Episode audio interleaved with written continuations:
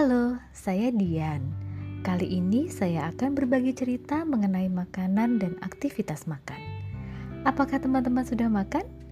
Andai sekarang tidak sedang pandemi, mungkin kita bisa duduk bersama bercerita sambil berbagi makanan. Apalagi di tengah hujan gerimis dan udara sejuk, sungguh nikmat untuk menyantap makanan kebangsaan warga 62. Apa itu? Betul, semangkuk Indomie rebus yang aromanya pun hmm, lezat memikat. Ditambah telur dan bagi penyuka makanan pedas, ditaburi cabai rawit yang dipotong kecil-kecil. Bagaimana? Jadi lapar kan?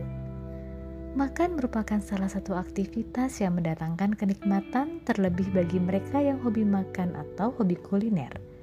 Bahkan, akhir-akhir ini aktivitas makan pun bisa mendatangkan cuan.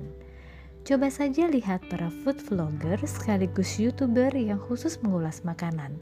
Followers mereka bisa mencapai ratusan ribu atau bahkan jutaan. Bisa dibayangkan berapa rupiah yang dihasilkan dari YouTube ini. Walaupun makanan favorit kita biasanya menjadi penggugah selera, namun ada kalanya makanan dan aktivitas makan menjadi salah satu sumber siksaan. Bagaimana bisa? Kedengarannya agak aneh ya tapi saya pernah mengalaminya. Pada bulan Oktober 2018 sampai Maret 2019, saya harus menjalani kemoterapi untuk memerangi kanker. Kemoterapi ternyata tidak hanya membuat saya kehilangan rambut, namun juga selera makan. Saat itu indera pencecap saya berubah. Rasa gurih terasa pahit, rasa pedas anehnya menjadi tidak terlalu berasa. Rasa asam menjadi terlalu asam hanya rasa manis yang cukup bertahan sebagaimana adanya. Sungguh, rasanya lidah saya berkhianat dan tidak bisa dipercaya. Waktu itu, gurihnya daging steak dengan aroma smoky justru terasa pahit. Spaghetti menjadi enak, terlebih lagi aroma bawang bombay tercium terlalu dominan menyengat. Bakso dan kuahnya yang gurih menimbulkan rasa bawang putih mentah di lidah semua rasa makanan berantakan, sekalipun semua makanan tersebut sebelumnya sangat saya sukai.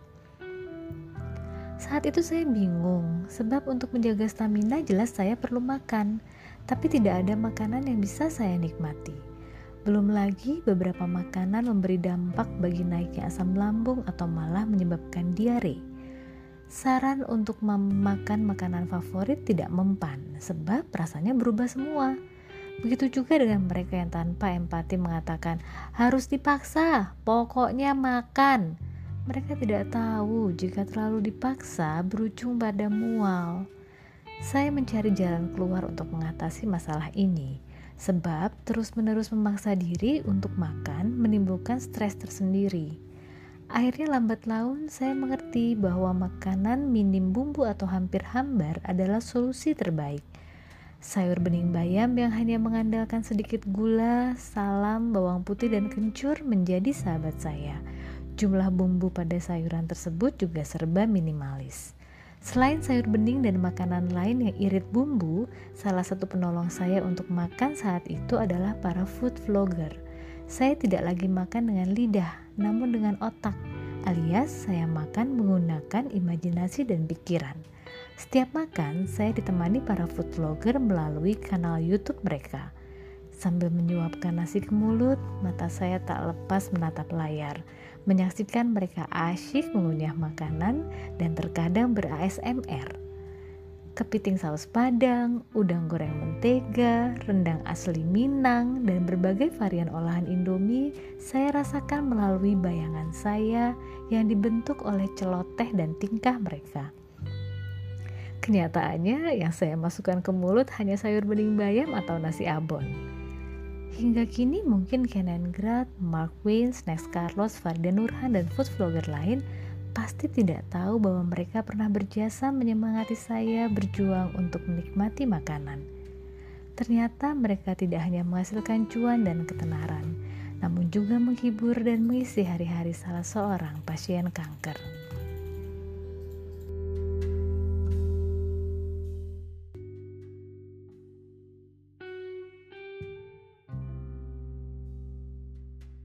Terima kasih sudah mendengarkan suara semut hari ini. Dengerin lagi ya besok, karena semua orang bisa membuat podcast dan semua podcaster butuh komunitas.